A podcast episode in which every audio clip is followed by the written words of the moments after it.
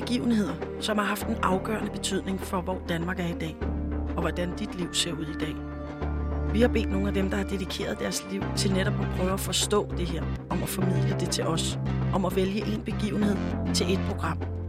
I løbet af den time, et program tager, skal vi gå i dybden med omstændighederne og forsøge at komme ind til kernen, nemlig hvorfor er lige det her vigtigt at kende til for at forstå Danmark i nutiden. Velkommen til Fortiden Fast Forward med Mathias Damborg og Nana Winter. Velkommen til Forsiden Fast Forward. Mit Ja. navn er Mathias Damborg, og Nana- overfor mig sidder... Nana Winter, Og øh, på min anden side sidder du, Lasse Sørensen, Hej med jer. forskningschef, Nationalmuseet. Velkommen til. Tak skal I have. Glad for at være her. fedt. Lasse, i dag har du alle mulige ting med os, bøger og genstande og så videre, og det er fordi, ja. Ja. vi skal snakke om neolitisering. Nu bruger jeg sådan et ord, Jeg som blev, jeg man blev bør kende. meget, meget skræmt af det ord, da jeg Er fik det at vide, at, Ja. det, at, det, det, at det var det, vi skulle snakke om. Ja. Jeg panikkede. Nå, For det, jeg, nu har jeg brugt de seneste par dage på at prøve at, på at lære at sige det. Neolitisering. ja, men jeg kan godt forstå det, og man Ja. tænker, hvad fanden er nu det? Men det er simpelthen overgangen fra jægerstenalder til bundestenalder. Ja. Og det lyder jo pisse langt, så derfor har man fundet et ord for det. Ja, Det er rigtigt. Og det, hvad, ordet på en eller anden måde i sin latinske oprindelse må vel betyde ny, ny stenalder. Ny stenalder, ja, det er fordi, Ja. at man har paleolitikum, det er ældre stenalder. Ja. Så har man mesolitikum, det er den mellemste stenalder. Så har vi neolitikum, Okay. som er den nye stenalder. Ja. sådan. Nu har jeg forstået det. Ja, perfekt. Neo. Og meso og sådan noget, hvis man er Ja, nede med slang ikke, inde i Archeo World. Men øhm, det, som vi tænkte på og snakkede med dig om, Lasse, var at tage udgangspunkt i en udgravning, som du kender ret meget til. Ja. Og som er udgravningen af en mand, som Mhm. kaldes Dragsholmmanden. Ja.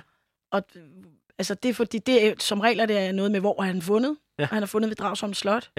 Derfor kalder man Mhm. ham Dragsundmanden. Og hvad er det, hvorfor er Dragsholmmanden, øh, altså hvad er der spændende ved Dragsholmmanden? Ja, altså det er jo en udgravning, der startede i 73 af min gamle lærer, Erik Brink Petersen, øh, som så sammen med Nationalmuseet, hvor jeg så selv sidder nu, øh, udgravede den her, øh, det her individ, Dragsholmmanden. Øhm, og han er den ældste bund, vi har i Danmark. Det er derfor, han er ret interessant, når vi Mhm. mm-hmm. snakker overgang fra jæger til bundesten. Eller, fordi han er den ældste. Det er i hvert fald den ældste, vi har fundet indtil videre. Han er cirka 6.000 år gammel. Og for lige at holde op imod Tollundmanden, hvor gammel er han? Tollenmand, det er mere jernalder. Da er vi Det- længere det- tilbage så? Nej, nej, der er vi meget længere længere op i oppe, tid. Jeg er længere op Ja. i tid, ja. Og, Jernalder. og, og der er, det, Tollundmanden er sådan et moselig, og, Ja, og ja. Dragsholmmanden, det er mere en, en, en grav Ja, det er øh, mere med en grav, ja. knogler. Nå, vildt. Ja, ja, ja, Ja. ja. Det, er en, det er en rigtig grav, hvor han har fået gravgaver med og det hele. Hold op. Altså, Tollenmanden, han er jo blevet hæ- hængt, Ja, ja, og så... og, og så er han røget ud i en mose der. jo, jo. Og så kan man så sige, at var det frivilligt eller ej? Øh, Ja, men, men ham okay. her, Dragsholmmanden, Det er han, øh, han, er, han er altså simpelthen begravet. Og der er altså nogen, som har begravet ham, som synes, at han skulle begraves som en rigtig bonde bør. Mm. Og han har fået, øh, han har fået det ældste øh, keramik, vi kender fra den her periode her, fra, fra den tidlige bundestenalder med. Det er det, vi kalder et traktbæger. Det er det ældste traktbæger, vi kender i Danmark. Det har han Vil du ikke lige prøve at beskrive, hvordan Ja, sådan trakt, ser ud? altså det, det, det er nærmest sådan lidt ligesom sådan en omvendt, øh, en omvendt øh, kirkeklokkeform. Ja, så. Øh, det er sådan, den ser ud. Øh, og det, det er så ikke så særlig stort, det kar, han har fået med, men det, det er det, noget af det ældste af den type. Og de, det er kendetegnende for de her øh, tidlige bundesten eller samfund, vi ser i, i Danmark. Øh, det er de her traktbær her. Og den, der er kommet med i hans grav, det er det ældste. Så har han også fået noget andet med. Han har fået en, en stridsøkse med. Altså et helt nyt træk, som vi heller ikke har set før. Mm-hmm. Øh, og stridsøkser, det er jo sådan noget, man, man brugte som sådan en status mandssymbol. Hvis nu man var sådan højt på strå, og så kunne man gå rundt med det. Man kunne også gokke nogen i hoved, hovedet med det, hvis det var det. øh, så sådan en har han også fået med. Så har han fået, øh, så har han fået en øh, bue, en bue med, og nogle pile med. De er så ikke bevaret, men vi kan ligesom se pilspidserne. Mm. Øh, der er det bare det er sådan nogen, der er lavet af små stykker flint. Øhm, de er også med. Og øhm, og så har han fået ravperler med. Det er sådan nogle dråbeformede ravperler. Og nu, nu, nu gør du det så med, med fingrene, så de, de er faktisk ret store. De er været En- en, en- en 3-4-5 cm. Ja, nogle af dem kan godt være ret store der, og nogle af dem var også små der. Så, men øh, så, så dem har han også fået med. Og de der dråbeformede, den kender man også nede i Europa. Der er de bare ikke lavet af, af rav, der er de lavet af jade, blandt andet. Ja. Som man kender fra nogle af de sådan, franske øh, megalitter, som også øh, bliver lavet på det her tidspunkt. Men han har altså blevet begravet som jordfæstegrav, altså har gravet Mhm. et hul, og så har han røget deri. Og så er, er, er der også været en markering af den grav, sandsynligvis, fordi der er sådan et, et stykke af sådan, nogle, af sådan en, øh, et kronhjortegevir, som er sat om bag hans, hans hoved, som måske skulle markere et eller andet også. Um, så det er nogle af, nogle af de ting, øh, han har fået med. Um, og hvad, hvordan skal vi så tolke det? Mm. Altså, der er nogen, der har lagt de her ting ned for at ære ham. Øh, og det, vi tolker det som om, det er, at jamen, øh, han må have været en bonde, fordi han har fået det her trakbær med. Øh, og det her trakbær har sandsynligvis indeholdt en eller anden form for mad, eller øl, eller et eller andet. Og hvordan, Øh, hvordan ved vi lige præcis, at han er ja, bundet med det- her trækbær? Ja, det, det har noget at gøre med, at hvis man kigger på de der trakbær, og hvad der ellers er fundet i dem, så er okay. Okay. det sådan noget, sådan noget øh, ja, det kan være noget mælk, man har lavet okay, deri, så- eller en så eller anden form for... Ja, noget. altså, det er jo ko- korn eller et eller Ja, andet ting. Altså, okay. man har ligesom forarbejdet nogle ting i de her kar her. Okay. Øh, Så, den, så, så, det, så, sådan et bære bliver associeret med den ja, tid. ja, men, men så, øh, det, så, så men vi, kan, vi ved også noget om hans kost. Vi, vi ved, at han har Ja. spist. Ja, now now we're talking. altså, man kan lave sådan nogle, øh, sådan nogle isotopmålinger Ja. øh, af skelettet, og der kan man finde ud af, om han har spist meget marinkost eller meget terrestrisk kost, altså øh, planter og Ja. dyr og sådan noget. Øh, og det har noget at gøre med variationen i de målinger, man har. Øh, men der kan man altså se, at han har spist terrestrisk kost. De jæger samlere, man kender øh, fra perioden før, det er det, vi kalder ærtebølletid, de har levet af marinkost.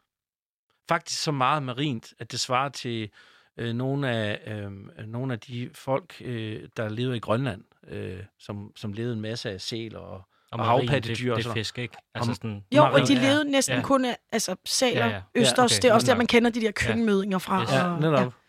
Og øh, der er det jo så... Øh, der er det jo så, at man tolker, så kan man jo ligesom se, jamen han har også spist som en bonde, ikke som en, en jæger-samler, som har spist øh, en marin kost, altså øh, fisk og havpitdyr og sådan noget. Mm.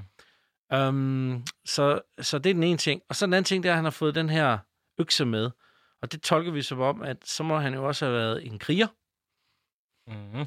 Og det vil sige, at der også er noget hierarki i det her. Altså, der er nogen, der er anerkendt, at han var en kriger. Måske har han haft øh, sådan en helt, måske en mindre stamme eller familie under sig, hvor han så har været den, der ligesom vidste noget om, om landbruget. Um, og så, øh, så, og så øh, eftersom han jo også har, har levet af det her øh, terrestriske kost, så må han jo også have været en bonde. Så kriger og bonde. Men han har jo også haft øh, bur og pin med, så han må også have været en jæger. Ja. Så han er sådan lidt af en hybrid, kan man kalde det. Han er lidt af det hele. Sådan en, en helgardering, hvis man skal sådan blive i tips-sprog. Øhm, og det er derfor, han er så speciel. Fordi han er den tidligste bonde, vi har. Men han har alligevel også nogle reminiscenser i forhold til det, han, det, han har fået med sig. Øh, reminiscenser er noget, jæger samler over ham. Der, hvor han er begravet, det er faktisk i yderkanten, eller måske i en køkkenmøding, han også er begravet. Og køkkenmødinger, det er jo sådan nogle ting, der er akkumuleret over lange perioder, som går tilbage til øh, jæ- jægerstenalderen, altså ærtebølletid, hvor man har samlet en masse forskellige marindyr, blandt andet østers, som man så øh, smider ud, når man har spist det der østers, og så akkumulerer det i sådan nogle køkkenmødinger, kalder man mm. det. Øh, og der er han altså begravet i enten i sådan en, eller i yderkanten af sådan en der. Så det er jo også ret specielt, at han er faktisk begravet tæt ved kysten. Ja. Fordi det, vi kan se med de her bønder, det er faktisk, at de rykker ind i landet. Øh, på det her tidspunkt, der er der jo tæt urskov for 6.000 år siden Danmark. Tæt urskov i Danmark. Øh, så, så de her første bønder, der kommer hertil, de må ligesom rydde den her skov her. Øh, øh, og de er selvfølgelig små åbninger, de har gjort. Og der, hvor vi kan se, hvis man sådan skal se på fordelingen af dem, så er det ikke så meget ude ved kysten. De har, det er især ind i landet, hvor de rydder nogle af de her områder her. Tit og ofte, hvor der er tæt med god kvalitet af flint, og hvor der ikke er alt for mange øh, ærtebøllefolk, der, der bor. øhm, og så på sådan sandede områder, tæt mellem sand og moræneknolde. Det er der, de godt kan lide at være, fordi det er ligesom der, de, de kan optimere deres Og det- landbrug. Fordi du kan jo ikke... Altså, man dyrker ikke så godt i det sandede, men moræne... Ja, altså sådan, Nå. hvor det er sådan blandet sandet og ler, det er rigtig Okay. godt. Mm. Men den Øhm, der økse vil jeg gerne lige vende tilbage til. Er det den økse, du har med? Altså, jeg ved godt, det ikke er den, men er det den type? Øh, nej, nej, Nej, det er det det heller er det ikke. ikke. Det, Okay. det, det, er en, det er faktisk sådan en stridsøkse med sådan en hul i. Den, han Øh, har. den har Men er det også sådan en stenart, eller er det Nej, nej, flint? nej det, det, er, det, er, det er en bjergart. Bjergart. Altså, Okay. jeg tror, det er en diabas eller en gabbro Alright, at, at, at, alright. at den der stridsøkse er lavet. Men vi har paralleller til den nede i Centraleuropa, hvor man kan se sådan lignende økser øh, i, i grave og i bopladser og sådan noget. Ja, dernede. og også det med perlerne. Altså, og som, som perlerne. ligesom... ja, ja, netop. Mm. Så der, der er ingen tvivl om, at, at, at, at ha- ham som bonde har været en del af et rigtig, rigtig stort netværk. Og det er derfor, jeg har taget den her økse med. Fordi det er sådan en spids, spidsnakket økse. Den går sådan ud i sådan en spids nakke. Og så, øh, ja, det, det ligner jo sådan en, en, en ret økse, kan man kalde det. Øhm, en men ufattelig den fortæller, farve. Ja, den er flot, ikke? Den er sådan helt øh, mørkegrøn, og så har den sådan nogle øh, feltspat i sig, sådan nogle hvide prikker. Øhm, men grund til, at jeg har taget den her med, det er fordi, at det viser, hvilket netværk de her bønder, de var en del af, som kom til Sydskandinavien, altså til Danmark. Øhm, og den er faktisk lavet af, af eklogit. Der er også nogen, der er lavet af jaditit. Og dem finder man øh, nogle ret sådan, specielle steder rundt omkring i Europa. Og et af stederne, og et af de få steder, det er i Ligurien, altså i de, de italienske alber. Mm. Øh, man kan godt finde dem sådan i, i, i altså transporteret af floderne ned og i floddeltagerne der og, kigge efter dem der. Men det er ikke det, de har gjort, når de skulle øh, have fat i det her, det her råmateriale. Der er de simpelthen vandret op i de her bjerge her, to kilometer øh, op over havets overflade, helt op i bjergene der. Øhm, og så har de simpelthen, øh, simpelthen øh, tilvejebragt de her økser her. Og så er de altså, øh, så har de lavet sådan nogle råemner af det, Mm. Og så ligesom øh, øh, de første stadier, det er ligesom, hvor man ikke sliber det, ligesom den her er blevet, men man ligesom hugger sådan grogemnet ud. Og så har de så sandsynligvis taget det med ned, og så er de begyndt at, at slibe det lige så forsigtigt. Og det tager jo flere hundrede timer at slibe sådan her. Det er jo en meget øh, hård bjergart. Mm. Øh, Ja, altså overfladen er blank, ligesom nærmest en marmorbord, Ja, eller Ja, man kan nærmest spejle sig selv i den. fliser på et Ja. ja. badeværelse. Ja. Og sådan nogle har vi altså fundet i Danmark.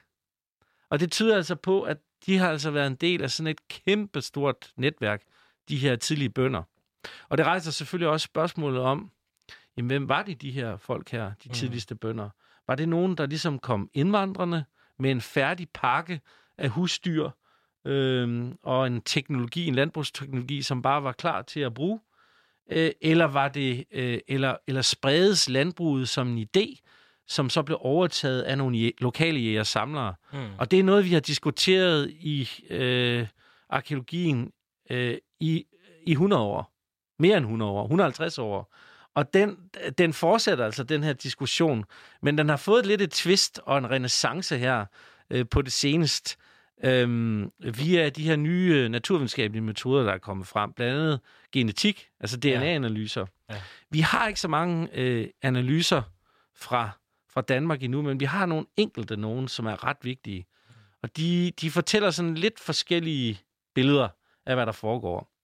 Den ene, den viser, og det er to fra Skåne, som er nogenlunde samtidig med Dragsundmanden.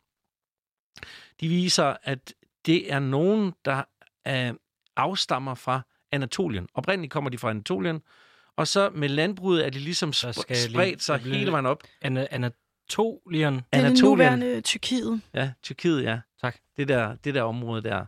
Altså, det er nogen, der, der, der, altså, der har en stamfader, der stammer tilbage fra okay. øh, Tyrkiet, Anatolien. Øh, og det mener man, at det er ligesom også der, hvor noget af det tidligste landbrug, de har. Og det spredes op igennem Europa i sådan nogle ryg, kan man sige. Og så sker der sådan nogle stop, og så sker der igen ryg. Og en af de sidste ryg, vi ser øh, i Europa, det er blandt andet op mod øh, Nordeuropa. Altså Sydskandinavien, Holland, de britiske øer. Og det sker der omkring 6.000 år siden. Og de, de der øh, gene, genetiske, altså DNA-analyserne af de her to individer fra, fra Sverige, de viser, altså fra Skåne, de viser, at de er i, de er i familie med de her anatolske, og det tyder på en indvandring. Vildt. Okay. Øhm, det, det, det, det, er sådan, det er de få beviser, vi har stadigvæk. Der er et kæmpe studie, der snart kommer ud. Det er vi i gang med at skrive om, men det kan jeg ikke udtale mig så meget om, fordi det stadigvæk er sådan lidt hemmeligt. Men, men de, de forløbige resultater i forhold til dem, vi kender, det tyder altså på en indvandring. Så, kan, så det stiller så en masse nye spørgsmål. Hvor stor en indvandring? Hvad skete der med mm. de her jæger-samlere? Hvordan skal vi tolke det? Mm. Og der er der altså også kommet nogle ret spændende øh, beviser. Det er så ikke fra knoglerne selv. Det er faktisk fra en klump af bag. Og bag, det er jo sådan en slags øh, opvarmet øh, masse, harpiks masse, mm. som man har brugt som sådan en slags tykkegummi tilbage i stenalderen. Og der er der altså ved, ved, ved de her udgravninger ved Femern, den her øh, bro, ja, der, der ja. skal bygges, der har der været nogle kæmpe store udgravninger, som er foretaget af Lolland Falster Museum, og de har altså fået nogle fantastiske resultater. Men en af resultaterne, det var, at de fandt sådan en bajklump, hvor der simpelthen var en sten eller pige, som havde øh, bidt i det. Det kunne de se fra tandaftrykkene, hvor gammel hun var. Øhm, og, øh, og der var der altså, øh, der var der altså indkapslet DNA-spor. Nej. Og det kunne de så øh, ekstrahere, og så kunne de faktisk få et meget, meget fint øh, kerne-DNA ud af det der. En fuldstændig fin profil af, hvad hun var for en. Og øh, hun er dateret til omkring 5.700, altså nogle århundreder efter. Øh, altså hun er, hun er heller ikke helt samtidig. Hun er lidt yngre end Dragsalmanden. Men gæt, hvad hun var. Ja, hun var faktisk jæger samler DNA. Det var det, hun var en del af. Så det tyder altså på, at der altså stadigvæk er, mm. samtidig med, at der kommer nogle nye ind i Sydskandinavien, så er der altså nogle, nogle jæger-samlere, der også er der, og som har overtaget den her øh, landbrugsteknologi, fordi der er der også fundet trækbærer, altså ja. keramik der, der er også fundet økser og det videre. Der er der også fundet beviser for, at de har haft husdyr der. Så der er, der er altså nogen, der har overtaget det her. Så, så, så vi ser altså begge dele her, altså en eller anden form for dualisme, hvor der er en etnicitetsgruppe af nye øh, jægersamlere, som stammer fra øh, stammer fra, øh, fra de vesteuropæiske øh, jægersamlere, som har været der igennem mange tusind mm. år, altså i det, vi kalder jægerstenalderen i Sydskandinavien. Og så har vi de her nye her, der kommer ind. Og der har vi sådan en dualisme der fra omkring 6.000 til 5.500 øh, år siden, hvor, der, hvor man godt kunne forestille sig, at de har levet nogenlunde samtidig. Øh, men, men det spændende det er, at hvad sker der med de her? Altså, øh, forsvinder de simpelthen, eller bliver mm. de simpelthen udkonkurreret, eller hvad sker der? Men, men, men de her, øh, den her genetik, den viste jo noget ret fantastisk. Øh, man kunne ligesom se, jamen, øh, hun havde blå øjne, hende her fra, fra Lolland. Den her individ her. Ja, Lola, helt... tror jeg, de kalder hende i, ja, i artiklen. Lola, Lola fra Lolland. Lola ja. fra Lolland, og der ja, er også en ny vildt. udstilling, man kan se dernede, hvor de viser nogle af de her resultater og fantastiske fund, de har gjort. Men, men der kan man altså se, at øh, hun havde blå øjne, men havde en meget mørk hud. Og hvis man så skal sammenligne med de der, øh, øh, de der øh, bønder, som har de her forfædre fra Anatolien, ja, så har de mere brune øjne og en lysere hud. Så der er oh. altså nogle øh, forskelle der øh, sådan rent genetisk. Øh, så det, det er sådan nogle, det, det er meget spændende. Altså, vi, det er jo sådan nogle ting, som vi slet ikke havde en chance for mm. at kunne kunne øh, få et indblik i øh, Nej, det bliver i virkeligheden mere, som du siger, en diskussion, et skænderi, ja. Ja, en, en 100-årig ja. tolkningskamp mellem ja. det ene og det andet. Mm. Ikke? Men, men, og i virkeligheden ligger sandheden jo så nærmest et stykke midt imellem. Midt imellem, det, det er i hvert fald det, det ser ud til lige nu. Nu må vi ja. se, om det rykker sig ja, med ja, de her nye, nye ge- genetiske studier. Det, det, det ved vi så ikke, men, men det kunne jeg godt forestille mig. Der er et større mig. studie på vej. Der er et større ikke? studie ja. på vej. Og, men altså, det man kan se, hvis man kigger på øh, Centraleuropa, og, og sådan landbrugets fremmarsch, Mm. Øh, det kan man se, at øh, der er de altså blandet sig med nogle jæger-samlere også. Altså, der er sket en opblanding. Ja, så der er cirka skal... en 10 procent af, af jæger-samler-DNA, der er inden over de her anatolske øh, øh, bunde-DNA her. Så der er altså en blanding, der sker der. Øh, ja. Øh, og så er spørgsmålet så, jo længere nordpå du kommer, sker der så en større opblanding, eller, eller sker der en mindre opblanding, eller blander de sig slet mm-hmm. ikke? Nej, nej, det, altså det, det, dem, der, der indvandrer, kommer de bare og siger, alright, ja, der kan ja. godt være, der bor nogle crazy typer ja. ude ved kysten, men mm. enten nakker vi dem, ja. eller også lader vi dem være ja. i fred. Vi gider ikke have noget med dem at gøre. Men man kan sige, at i løbet af 500 år, altså fra 6.000 til 5.500, der er der en eller anden form for overgang, hvor der sandsynligvis er nogle jæger-samlere. Øh, men altså efter øh, øh de her 500 år, så er det altså landbruget, der dominerer fuldstændig, fuldstændig. Øh, i Sydskandinavien. Og man kan sige, øhm, altså det, det er jo sådan ret interessant det der med, øhm, hvad sker der med de der jægersamlere? Det, det er jo noget, vi, vi er meget interesseret i. Vi kan se, at der ligesom er nogle refugier, altså nogle steder, hvor de ligesom overlever. Men det er mere i sådan nogle yderområder. Mm. Øh, altså det er mere nogle nischer, de ligesom øh, stadigvæk udnytter, altså på nogle mindre øer eller sådan noget. Det er ligesom der, de fortsætter. Der har vi nogle eksempler øh, rundt omkring i, i Nordeuropa, hvor de stadigvæk øh, er. Øh, også langt op i tid. Altså hvor de nærmest stadigvæk er i samlere og insisterer på det.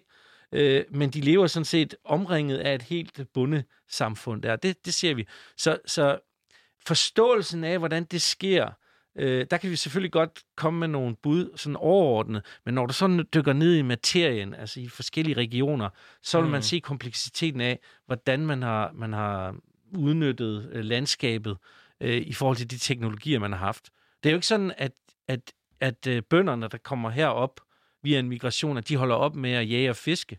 Det gør de sådan set stadigvæk, fordi det, der er smart med landbruget, det er, du sår om foråret, Ja. og så passer det nogenlunde sig selv øh, ind til, øh, ind til det sene sommer, og så skal du begynde at, og ligesom at, at, at, at høste det der. Men ind midt imellem, det er jo faktisk der, hvor der er faktisk en rig biotop for, at du kan jage og fiske og sådan noget. Selvfølgelig har de gjort det. Og det kan være en af grunden til, at landbrug har været simpelthen så succesfuld en strategi og en teknologi for os mennesker. Øh, fordi altså, det, altså alle studier viser jo, at når du går ind på landbruget, så, stiger, så stiger befolkningen. Mm. Og hvad er det, man gør? Man begynder at tage kontrol over naturen. Altså, naturen er ikke hellig, det er en ressource. Så fra at man fra jægersamleren måske synes, at jamen, her er nogle træer, eller her er der nogle ting, der er hellige, så siger man, nej, det er ikke heldigt, det skal væk, fordi at øh, vi skal bruge det til marker. Og så er det lige pludselig nogle helt andre ting. Det er måske ikke en animistisk religion, hvor man lever i pagt med naturen. Så er det lige pludselig nogle helt andre ting, der er Mm. spil. Det er sådan noget med sol og måne og nedbør og, og sæsonen. Og forfædre og, også og lidt, forfædre, ja, alle de her Fordi ting. man begynder at blive... Bofast. Ja, Og, og, og det kræver territorier, og det Ja. ja. kræver markeringer af territorier. Og det er det, vi ser øh, resultatet af i det danske landskab stadigvæk. Altså alle de her stendyser, øh, og langdyser, og runddyser, jættestuer, som, som, bliver, som bliver bygget over en forholdsvis kort periode. Det er simpelthen markeringer i landskabet. Det er også en måde at komme i kontakt med de døde på. Altså, det, det, det er en helt anden måde end i forhold til kristendom, hvor man ligesom har et eller andet med, jamen, vi skal helst ikke håndtere de der skeletrester og sådan noget. Men dengang, der har de jo øh, sandsynligvis brugt de her, øh, de her øh, øh, dødehuse, kan man kalde de her dyser her. Det er jo sådan en slags dødehus. Der har man simpelthen godt kunne forestille sig, at man simpelthen har hævet, øh, du ved, øh, bedstefar eller noget ud, og sådan ligesom sagt, ja, her er bedstefar, helt sig på ham. Som Ej. sådan en slags markering. Okay. Det, det er en helt anden måde, men man ser det også i etnografiske eksempler øh, blandet, hvor man ligesom har sådan en mumificering af forfædrene. Mm. Altså det kunne være ens bedstefar. Så sætter man livet op over sådan en hytte, og så bliver den ligesom øh, mumificeret af, af røgen fra, fra hytten og sådan noget. Og så ved festlige lejligheder, så kan man sige, Nå, men, jamen, vi skal have en fest. Og sådan. Vi skal lige have fat i bedstefar. Ned med ham. Og så er de sådan helt som sådan stiv som et pap. De her- de her skeletter her. Nej, hvor det vildt. Og så, øh, så kan de jo gå ned. Og man kunne godt forestille sig, at den her omgang med øh, sine forfædre, Ja. fordi der er ligesom også øh, noget omkring æren af forfædrene. De har ligesom lagt øh, stenen for, at man ligesom kan bosætte sig her. Og derfor ærer man det der. Altså det er en, en del af et fælles narrativ, som ligesom skal holde en fast i den struktur, man er i. Og det kan blandt andet være det der med, at man, man så hiver sådan nogle frem af sådan nogle dødehus. Mm. Det var en af tingene i hvert fald, man kunne, man kunne gøre. Mathias er helt rystet. Jeg, jeg, jeg ved Ja. sådan helt, og jeg har bare det der blik af, der stod, og det der, og så røg, og det... Og så det er sådan en sådan lidt- mumificeret Ja. læder, sådan en Ja, læderklump, der lige nej. kommer ned. Det er morfar her, skal jeg lige hilse på ham. Han var, Det er jo så det var ham, der skørt. grundlagde vores gård. Ja. Ej, men jeg skal lige sige, du lytter til Fortiden Fast Forward med mig, Nana Vinter, og, Mathias Damborg. og i dag er vores gæst Lasse Sørensen, forskningschef for Nationalmuseet. Og vi snakker om neolitisering, som altså er overgangen fra jægerstenalder til bundestenalder. Og vi er ude af alle mulige spor, men jeg tænker, at vi lige backtracker en lille smule og prøver lige at, at forstå, hvor opstod Altså, og det er ikke, fordi det skal være den kæmpe, men vi skal lige have, hvor opstod landbruget, og hvor Ja. hurtigt øh, spredte det sig. Mm. Yes. Ja, Ja, så det vi skal tilbage på. til rødderne. Nu skal vi tilbage til rødderne. Yes. Ja, altså, det, altså øh, det ældste øh, former for, for landbrug, det begynder i det, vi kalder Levanten. Det er det, jeg snakker om. Anatolien. Ja. Tyrkiet, okay. øh, Israel, øh, Jordan, Syrien. Det der område der. Og det bliver faktisk også kaldt den frugtbare halvmåne. Altså ja. I dag er det ret tørt, men øh, dengang, øh, for øh, 11.000 år siden, hvor det her, øh, den, her, øh, den her proces den begyndte, øh, der var det forholdsvis øh, frugtbart område. Hvorfor begynder det? Hvorfor begynder mennesket lige pludselig, fordi man har været jæger-samler i, du ved, altså helt tilbage fra, øh, du ved, øh, primaterne, altså de tidligste sådan øh, to og en halv millioner år siden, eller sådan noget i Østafrika, og helt op til neandertalerne, op til homo sapiens og sådan noget, der har man ligesom været jæger-samlere. Men så der omkring 11.000 12.000 år siden, der sker der altså øh, noget. Og det er faktisk et område, som også er klimatisk interessant, fordi du går fra en øh, det sidste del af en istid over mod en varmtid. Mm. Og lige i den overgang, der er der sådan nogle områder, hvor der er meget varmt, eller forholdsvis varmt, og så er der nogle områder, hvor der er ekstremt koldt. Og man mener, at det er en af de her kuldeperioder, som ligesom har gjort, at de her jægersamlere, de har været helt på spand. De har bare tænkt, holy moly, hvad gør vi? vi alle dyrene er forsvundet, fordi det er blevet koldt og sådan noget. Hvad, hvad gør vi? vi? Vi er på spanden. Ja. Ha, der er noget vildt planter her. Øh, nogle vilde planter er noget byg, vildt byg og vildt hvede. Måske kan vi manipulere med det. Måske kan vi domesticere det. Det er det, det, det handler om. Det er simpelthen at Ja. forædle kornet. Øh, og, og det er det, de begyndte med der. Og det var faktisk kornet, de begynder med først øh, ved domesticeringen. Øh, og det er især øh, byg- og hvedearter, de så begynder med. Så sidder de så og tænker, Nå, men det er da fint nok. Så kan vi måske være lidt mere bofaste, fordi jeg samler er jo hele tiden på farten og leder efter forskellige fisk og jagtsteder og sådan noget. Så de vandrer hele tiden rundt.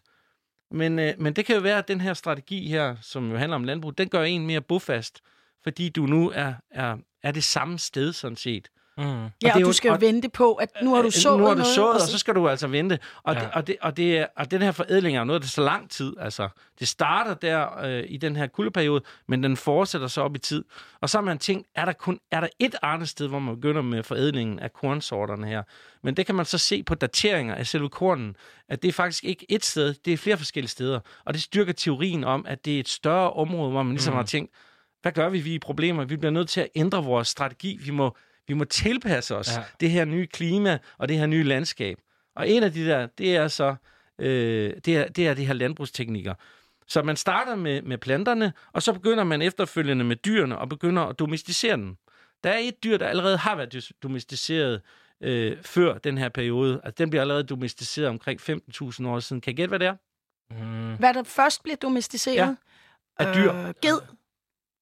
Det, ja, det Hvad ved jeg tror I, ikke. det kan jeg være? tror, det, det er sådan lidt ko, ko-lignende dyr. Ja, det, det, er noget, der, det er noget, der siger, vav, vav. Nå, Hund. gud. Selvfølgelig. Det er Ja, hunden. for fanden. Det er Nå, jo det er jo tilbage i jægerstenalderen. Det er tilbage i Ja, ja, jægerstenalderen. der har man- Den har ja. de allerede Ja, domesticeret. ja, så man har fundet ud af, at man kan Ja, godt... ja, ja. Øh, og domesticeret betyder jo altså tæmme. Tæmme. Tæmme. Man Tæmme. må simpelthen tæmme det, ikke? Ja. Og, og det Var der... der, var der også nogle altså, hunde, altså, som vi... Altså, nu kan de måske ikke lige så søde og rare, som de er Jo, måske i dag. Er, var de det? Der var der altså, øh, Altså sådan mange hunde, hunde, hunde i den forstand? Ja, ja, Som men- ikke er sådan nogle øh, lupske ulve, der Ja, altså er lidt det- søde. det, mennesker, de er, jo, de er jo fantastisk øh, innovative. Øh, Du ved, ulve, det kunne, dengang i jægerstilleren, der kunne det jo være en af de største fjender, du kunne have. Ja. Det var faktisk ulve. Men øh, hvad nu hvis, at du lige pludselig øh, tæmmer øh, sådan nogle ulvelignende ting, så er det lige pludselig nogen, der kunne bruge til forsvar mod dine fjender. De kan advare dig også. De kan bruge til jagt, som, som, som nogle jagtdyr. Du ved, altså, ja. Hvis du strejfer et dyr, og du ikke kan løbe det op, Mm. det, det, det er ret hæftigt. Vi er gode til at løbe, mennesker. Vi kan løbe langt, men hunden kan løbe endnu længere. Så hvis den har sådan en blodspor, så bliver den jo bare ved indtil, at det der dyr er fuldstændig udmattet, og så kan du løbe bagefter, og så kan du så nedlægge det dyr. Så hunden er enormt vigtig for Ja. vores det overlevelse. vildt. Og du kan jo ikke finde det, så kan, så kan hunden ligesom dø Ja, ja. og sige, jeg er herovre, jeg er herovre, jeg Ja, er herovre, klart. sammen med dyret. Og, og, og der er sådan nogle teorier om, hvad, hvornår man begyndte med det, men man mener i hvert fald for en, omkring 15.000 år siden, der har man i hvert fald domesticeret dyret. Det er slet ikke i samme grad som alle de raser, vi Nej, ser nej. i dag, men altså, der, der har sandsynligvis været nogle forskellige raser. Ja, og man men, har da begravelser Mm. af, Man af har hunde, hundebegravelser. hundebegravelser. Ja, det har man faktisk. betyder, at man har virkelig sat Ja. pris på dem, ikke? Ja, blandt Ej, andet I fra... overrasker mig helt vildt. altså, jeg synes, det er helt skørt at tænke på. Men det, men det er jo selvfølgelig rigtigt. Selvfølgelig var der, der jo øh, Ja. sådan lidt øh, hyrde-lignende ja. jæger jægerhunde, Ja. øh, Prøv, jagthunde. prøv, prøv at tænke på, at en, en chihuahua nedstammer fra en ulv.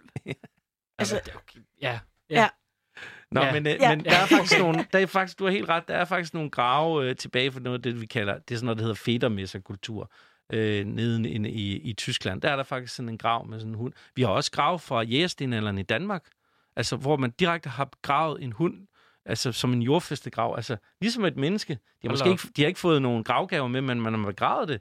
Øh, ligesom, ligesom et menneske, altså Nå. du ved, ligesom man gør i dag, når man går hen i, i baghaven, så begraver man lige øh, sin Ja, hund ja. der også, hvis man har nogle følelser over for den, og sådan noget, så man kan huske, hvad Ej, den var. ja, selvom man ikke må. Ja, ja. Men altså, nede, nede i Levanten, altså Ja. ja. den, Ja. Ja. øh, hvad Yes. er det, den frugtbare halvmåne. Yes. Vi er nede ved Irak, Yep. Iran, Syrien, Ja, Syrien, Jordan, Syrien, Anatolien. Jordan, ja. er dernede Tyrkiet. ja. Så Der, hvad, hvad så begynder de? domesticerer de, efter hunden, så Ja. i bundestenerne, så domesticerer man hvad? Det er øh, øh, får og ged og gris og kvæg. Ja. Og det begynder de nogenlunde samtidig med. Og det sker derfor omkring 10.500 år siden. Og det er, sådan, øh, det er sådan en proces, der tager nogle, en tusind år eller sådan noget.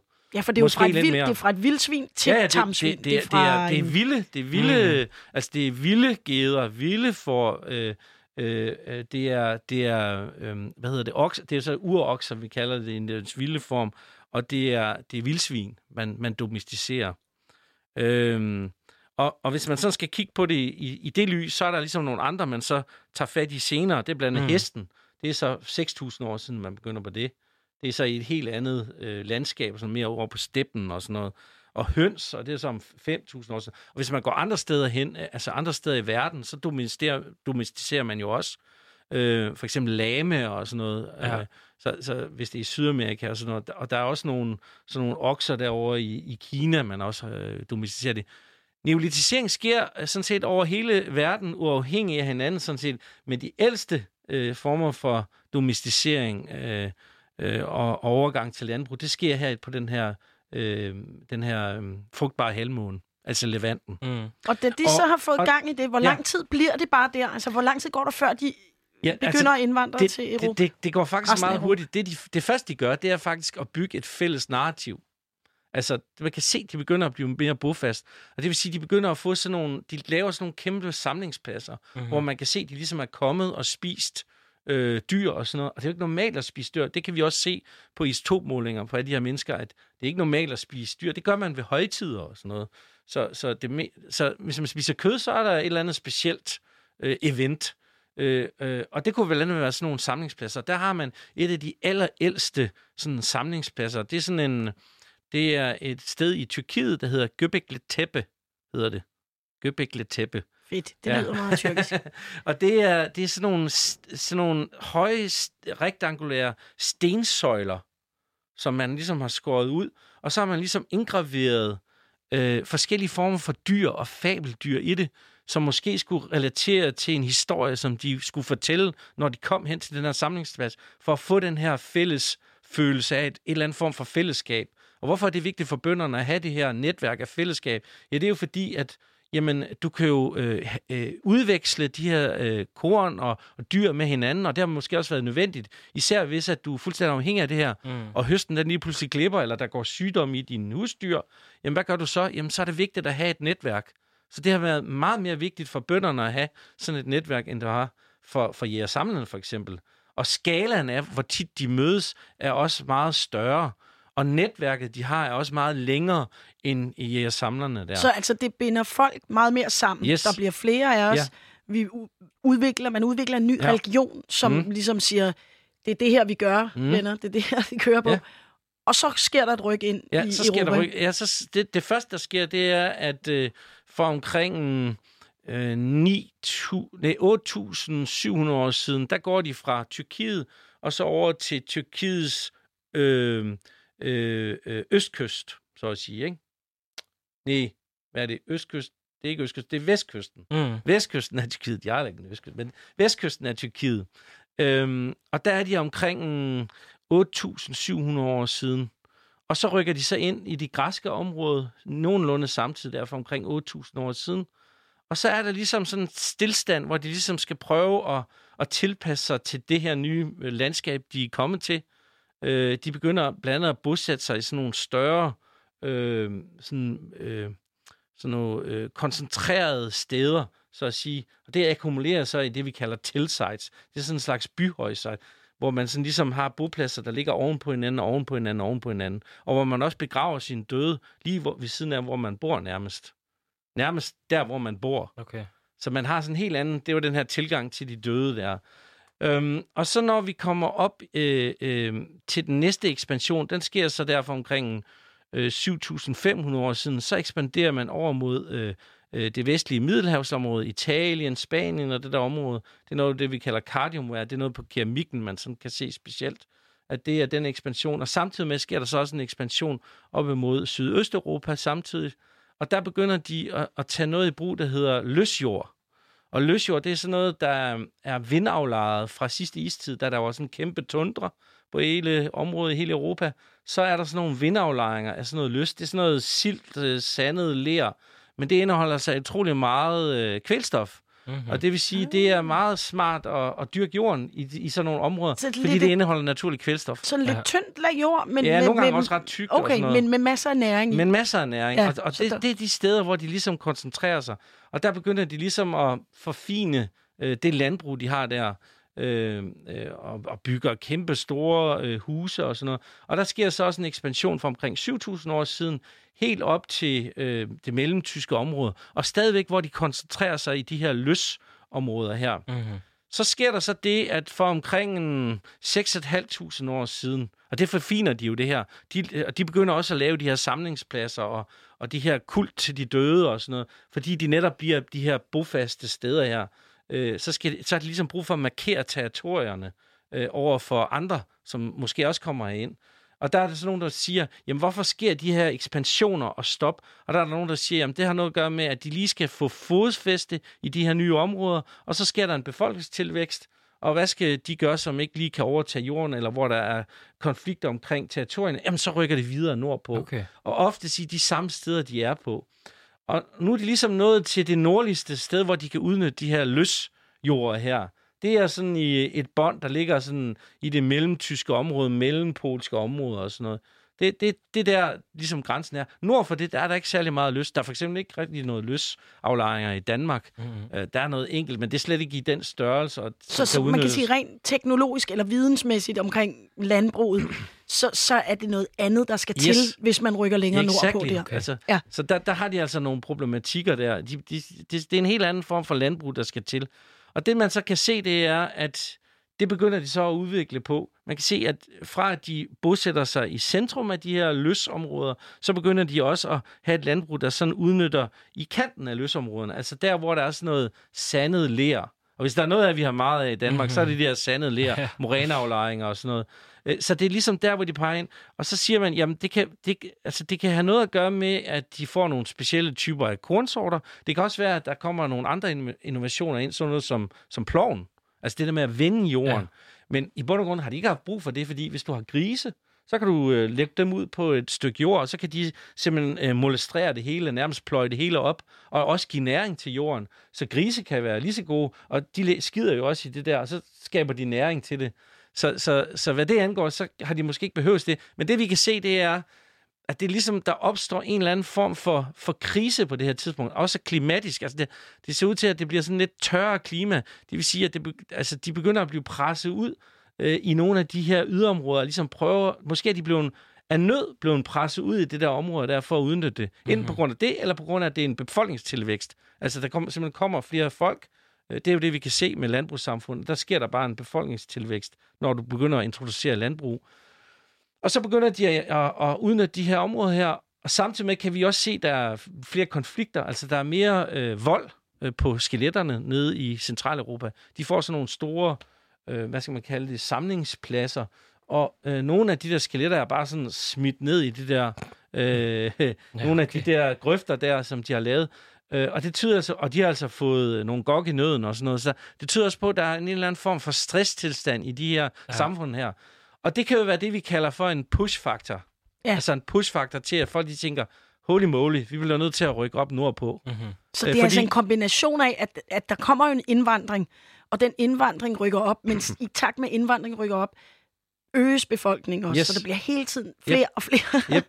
Ja. Og, og når du så, øh, så kan man så sige, det kan være nogle af de pushfaktorer, der har gjort, at man tænker, okay, hvor kommer man så tage hen? Og et af de pullfaktorer, der er øh, til øh, Sydskanden, det er jo, at der er masser af jord. Der er måske ikke så mange... Øh, der er ikke kamp om, om, om territorien, fordi der er mm. ikke nogen, nogen bønder deroppe i forvejen. Der er nogle jæger-samlere. Det kan godt være, at de har haft territorier med specielle former for fjordarme og sådan noget. De har kontrolleret. Men, men, men bønderne er jo interesseret i øh, de indre øh, dele af, ja. af landet der og rydde det. Og der kan man altså forestille sig en, en teori om, at de måske har sendt nogle spejder op først, og det er fordi, at i, i det her øh, jæger-samler-kultur heroppe, der kan vi altså se, at der er nogle, nogle genstande, som, som kommer ned fra de her bundesamfund, men som måske er kommet op med sådan nogle, øh, sådan, sådan nogle øh, spejdere af bønder, der ligesom skal prøve at finde ud af, jamen, jamen, hvor kan vi egentlig bosætte os hen? Hvor vil det være smart? Og det var, det var der, hvor jeg sagde, det er i nærheden af, hvor der er god flint, hvor der ikke er alt for mange i at samle i mhm. forvejen, og hvor at der er øh, vandforhold, altså god øh, adgang til ferskvand, og så skal det helst være sådan et område, hvor der er lidt sandet, leret jord. Fordi du... det er det, det, det, det, de er vant til dernede fra, hvor de kommer fra. Og hvor kommer de så fra? Ja. Det er området omkring øhm, Belgien, sydlige del af Holland, Sydtyskland, Frankrig. Okay. Øh, øh, og det, det ser ud til, at det er, det er sådan det primære område. Og det er der, hvor vi kan se de der trakbærer, jeg fortalte om. Øh, som ja, som er det her lærkar, ja, som, som er en som omvendt klokke. Ja. ja. Det er sådan nogle ting, de producerer der. Så den materielle kultur ligner øh, ligner det der øh, nede fra det der område i Central, øh, Centraleuropa. Mm-hmm. Og derfor tror vi, at de måske er, er kommet herop. Øh, og at grund til, at vi ser de her enkelte stykker af, af, af redskaber fra, som vi finder i jægerstendernes bopladser, altså det er simpelthen spejder, der kommer op. Og måske kan man da forestille sig, at de har ryddet noget af skoven, for ligesom at ligesom gøre det helt klart, øh, for at man kan så jorden, når man mm-hmm. lige mhm. kommer op. Øh, fordi det, det har altså ikke været det har altså ikke været sådan helt enkelt for dem at, at, at, at dyrke jorden herop. Altså, de er jo kommet op i et nyt område, hvor de stadigvæk skal prøve at, at tilpasse sig et helt nyt område. Så det har altså også øh, krævet en hel del af dem. Altså, det vi snakker om, det er jo, at når man, øh, der ligger en masse sagte og usagte viden omkring det her. Det er derfor, jeg har, jeg har altså, nogle gange kan landbrug godt sprede som en idé, sådan at jægersamlerne godt kan overtage det. Ja. Men der er utrolig meget usagt viden, øh, som man skal vide, hvad man gør, før det kan lade sig gøre. Altså, jeg kan give et eksempel. Vi havde nogle forsøg tilbage i øh, Dravet. Øh, det var nogle forsøg, der blev lavet tilbage i 50'erne, hvor man simpelthen forsøgte at rydde skov ved jeg sådan noget svedjebrug. Ja. Øh, altså rydde skoven ved at brænde den ned, og så, øh, og så lavede de simpelthen en mark der, og de såede de der korn der og sådan noget. Men når man så kigger i deres øh, beregninger, hvad, hvad var deres udbytte, så var det faktisk et negativt udbytte. De ville ikke have overlevet en, et, et år som, som bonde. Og det var så fordi, at, at de gjorde en masse fejl. De vidste godt, hvad de skulle gøre rent teoretisk, men praktisk lavede de bare sindssygt mange fejl. For det første lavede de markerne der, hvor det var sådan lidt fugtigt. Der er ja. ikke noget, der kan gro sådan nogle fugtige steder. Og det andet, så såede de det direkte ned i sådan noget aske der. Det er alt for, der er alt for meget øh, øh knald på det der. Og så kommer der også en masse mus og sådan noget og spiser. De har haft en fest der. Og det er altså grund til, at det er, det er, det er negativt udbytte. Det viser bare, hvor svært det er, selv når man kender til alle, øh, alle teorierne. Så når mm-hmm. det kommer til praktisk så, øh, udførelse af det, så kan det være ret problematisk. Det er derfor, jeg har, øh, det har været en udfordring. For hvis man skulle lære det her landbrug, så ville det tage årtier at lære det. Ja, og selv, man sagde, du kan komme i lære som... Øh, ja, øh, ja, og det der med, det, en idé, der på en eller anden måde var på et tidspunkt øh, i arkeologien, var det her med, at Jamen, så så øh, jægersamlerne, de udvekslede måske nogle koner og, mm. og nogle varer, og så var man sådan, nå, hvor spændende, ah, I har en pose korn, den tager vi lige med hjem.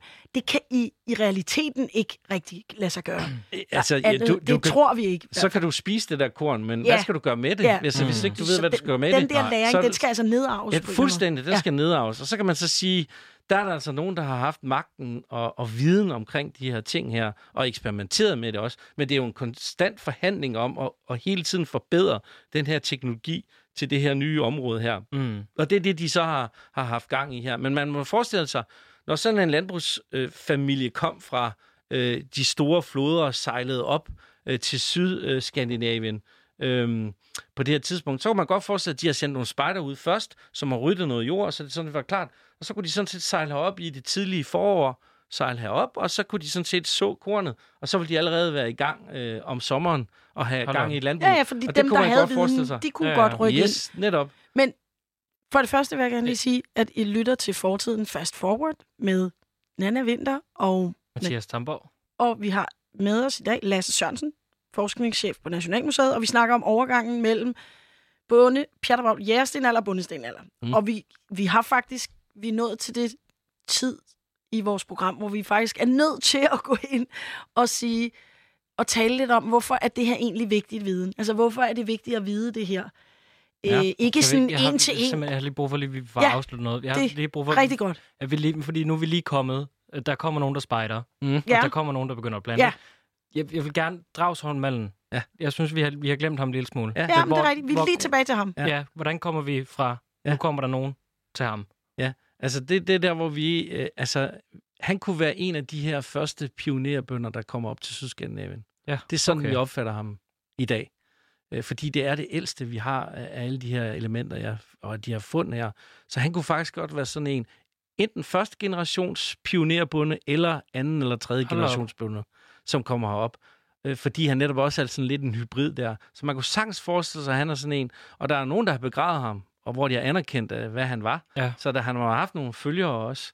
Og han kunne, man kunne sagtens forestille sig, at han kunne have været sådan en eller anden, øh, sådan en eller anden øh, øh, bonde, der ligesom var bærer af den her øh, magt og den her teknologi mm. og idéerne og processerne bag det her landbrugsteknologi, at det kunne han have været bærer af. Og det har de så også anerkendt ham for, ved at begrave ham på den måde der.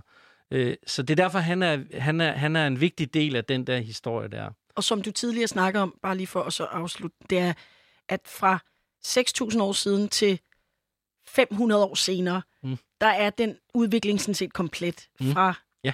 Altså, man, landbruget kommer for 6.000 år siden, men det er fuldt, fuldt udbredt 500 år efter. Mm. Mm. Ja, i, i, i Så det er ligesom Dragsholm Malm og nogle andre kommer med Ja. det her, og, og så, Ja. så går det ret hurtigt. Ja, altså lad mig sige, de, de, i løbet af få hundrede år, der bygger de jo de her dyser over hele landet. Der er jo, Mm. man regner ud, der kunne være 25.000.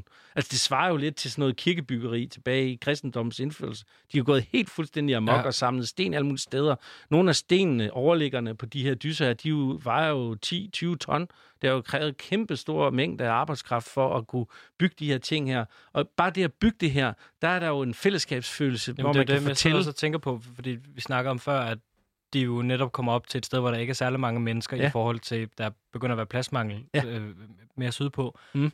Kunne man også have sådan en motivation for ligesom at gøre det til sit eget? Nu kommer vi op, og nu starter vi forfra. Vi skal ikke, vi skal ikke, vi skal ikke prøve at, at lave det her trængte plads, men nu, nu breder vi os ud Ja, ja, og, helt og sikkert. starter noget helt så, nyt op. så, er det, så er det en helt ny kultur, et helt Okay. nyt mindset, men det har alligevel en del af det der store netværk, de er en del Ja. af. Altså, hvor de blandt andet har de her jæder i ekologitøkser, som er en del af et, et vesteuropæisk netværk. Og den anden ting, de får ind her, som også er ret nyt, det er jo kover, altså metal, Mm. øh, fra nogle af, af nogle miner nede i, sandsynligvis nede i, i Serbien og Bulgarien, men, men måske også op i, ved Østrig øh, og ved Schweiz og sådan noget.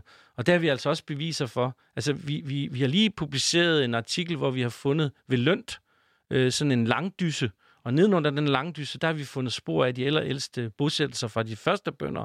Og der har vi altså fundet sådan en deal, hvor der er sådan noget, sådan noget Nå, kover ja, Altså en dele af en lille skål, man Ja. ja. smelter metallet Ja, ja. i. Ja. Ikke?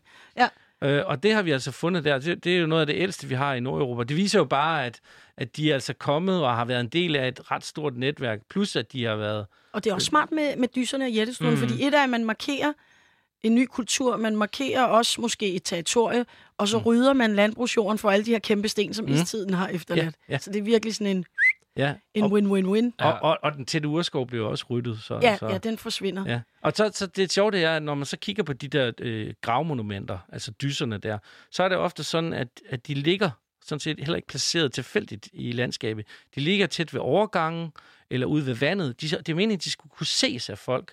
Og nogle mm. gange så ligger de altså også, øh, de, de første pionerbønders bopladser ligger nedenunder øh, de her øh, gravmonumenter Mm. her, de her dyser her. Og det er heller ikke tilfældigt. Det er jo en markering af, at jamen, forfædrene, de, var, de har ret til jorden. Nu lægger vi det lige smackdown ovenpå. Det samme gælder kirkerne. Kirkerne i Danmark. Ja. Altså oftest ligger de faktisk på gamle jernalderbopladser, der ligger i nærheden, eller lige ovenpå. Og det er heller Ja. ikke tilfældigt. Ah, nej, man markerer den nye, og ja, ligesom, netop. mm, nu er det Ja, ja, det her, det handler Ja. ja. om. Ikke? Men hvorfor er det vigtigt? Ja, altså fordi Ja. ja. det, det, det er ligesom, der sker jo et skift. Ja. Vi snakker folk, der render rundt og spiser fisk og Mm. østers og sæler. Der er ikke særlig mange af dem. Nej. Der er urskov overalt.